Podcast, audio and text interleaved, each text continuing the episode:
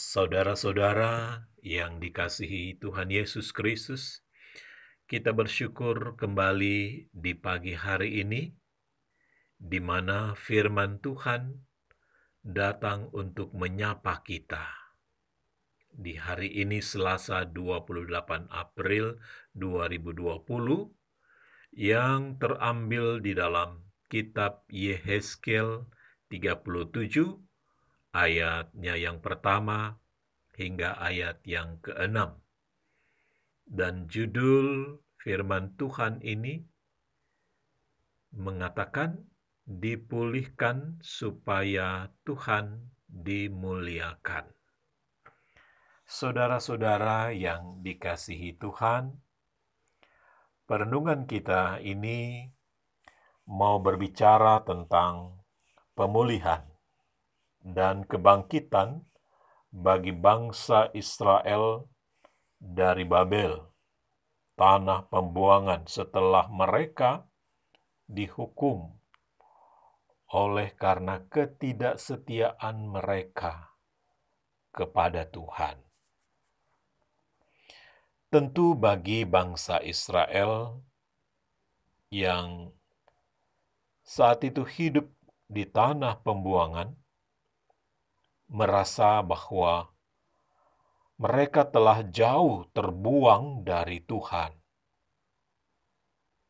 sehingga bagi mereka tidak akan mungkin lagi mereka bisa kembali untuk dapat menjalani kehidupan mereka dahulu. Oleh karena itu, lewat pembacaan kita di hari ini, Yeheskel mendapat penglihatan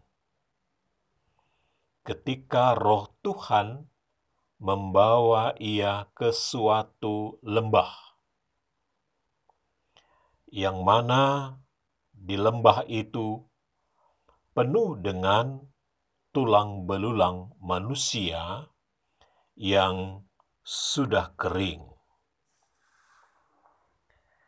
Dalam penglihatan itu, Allah berbicara kepada Yehezkel dengan mengatakan, "Hai anak manusia, dapatkah tulang-tulang ini dihidupkan kembali?" Tentu, secara nalar, hal itu tidaklah logis. Mustahil membuat tulang-tulang itu dapat hidup kembali. Saudara-saudara yang dikasih Tuhan, walaupun tidak masuk di akal, tetapi Tuhan memanggil Yehezkel untuk menubuatkan atas tulang-tulang itu untuk bisa hidup kembali. Saudara-saudara yang dikasih Tuhan, ternyata penglihatan itu mau menunjukkan, mau mengingatkan bagaimana kondisi bangsa Israel saat itu Ibaratnya mereka seperti mayat-mayat hidup dalam keadaan yang kehilangan harapan bahwa tidak ada jalan keluar lagi bagi mereka untuk hidup kembali. Mereka beranggapan bahwa ketika mereka sudah jauh terbuang dari tanah air mereka, maka tentu tidak ada harapan hidup kembali. Itulah keadaan, situasi, dan kondisi yang dialami oleh umat Tuhan. Saudara-saudara yang dikasih Tuhan, menghidupkan kembali tulang-tulang itu adalah simbol bahwa di mana bangsa Israel hanya dapat dipulihkan kembali oleh kuasa Tuhan Allah sendiri. Artinya, pembebasan mereka dari tanah pembuangan bukan hanya untuk kepentingan bagi bangsa Israel semata-mata, tetapi agar supaya nama Tuhan turut dimuliakan. Saudara-saudara yang dikasih oleh Tuhan Yesus Kristus. Oleh karena itulah,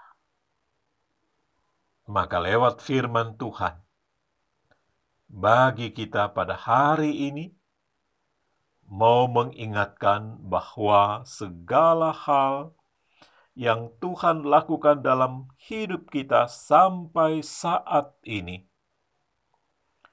ada dalam tangan kuasa Tuhan. Bapak, ibu, saudara-saudara yang dikasih Tuhan, oleh karena itulah kita terpanggil untuk selalu memuliakan Dia dalam hidup ini. Lalu, bagaimana dengan kehidupan kita saat ini? Bagaimana kita bisa dapat memuliakan Tuhan di saat kita sedang dalam kondisi yang seperti sekarang ini. Tentunya memuliakan Tuhan bukan saja di saat kita ada dalam keadaan baik, atau kita memuliakan Tuhan jika kita sedang dalam saat yang berbahagia atau kita hanya memuliakan Tuhan di saat kita senang saja. Justru dalam kondisi yang demikianlah kita terpanggil untuk menunjukkan iman dan percaya kita kepada Tuhan, bahwa atas situasi dan kondisi yang kita alami saat ini. Mampukah, dapatkah kita untuk terus mengagungkan dan memuliakan Tuhan? Karena pemazmur katakan bahwa sepanjang umur hidupku, aku mau memuliakan Tuhan. Itu artinya bukan saja ketika kita senang, bahagia untuk bisa dapat memuliakan Tuhan, justru di saat-saat seperti inilah kita terpanggil untuk terus memuliakan Tuhan.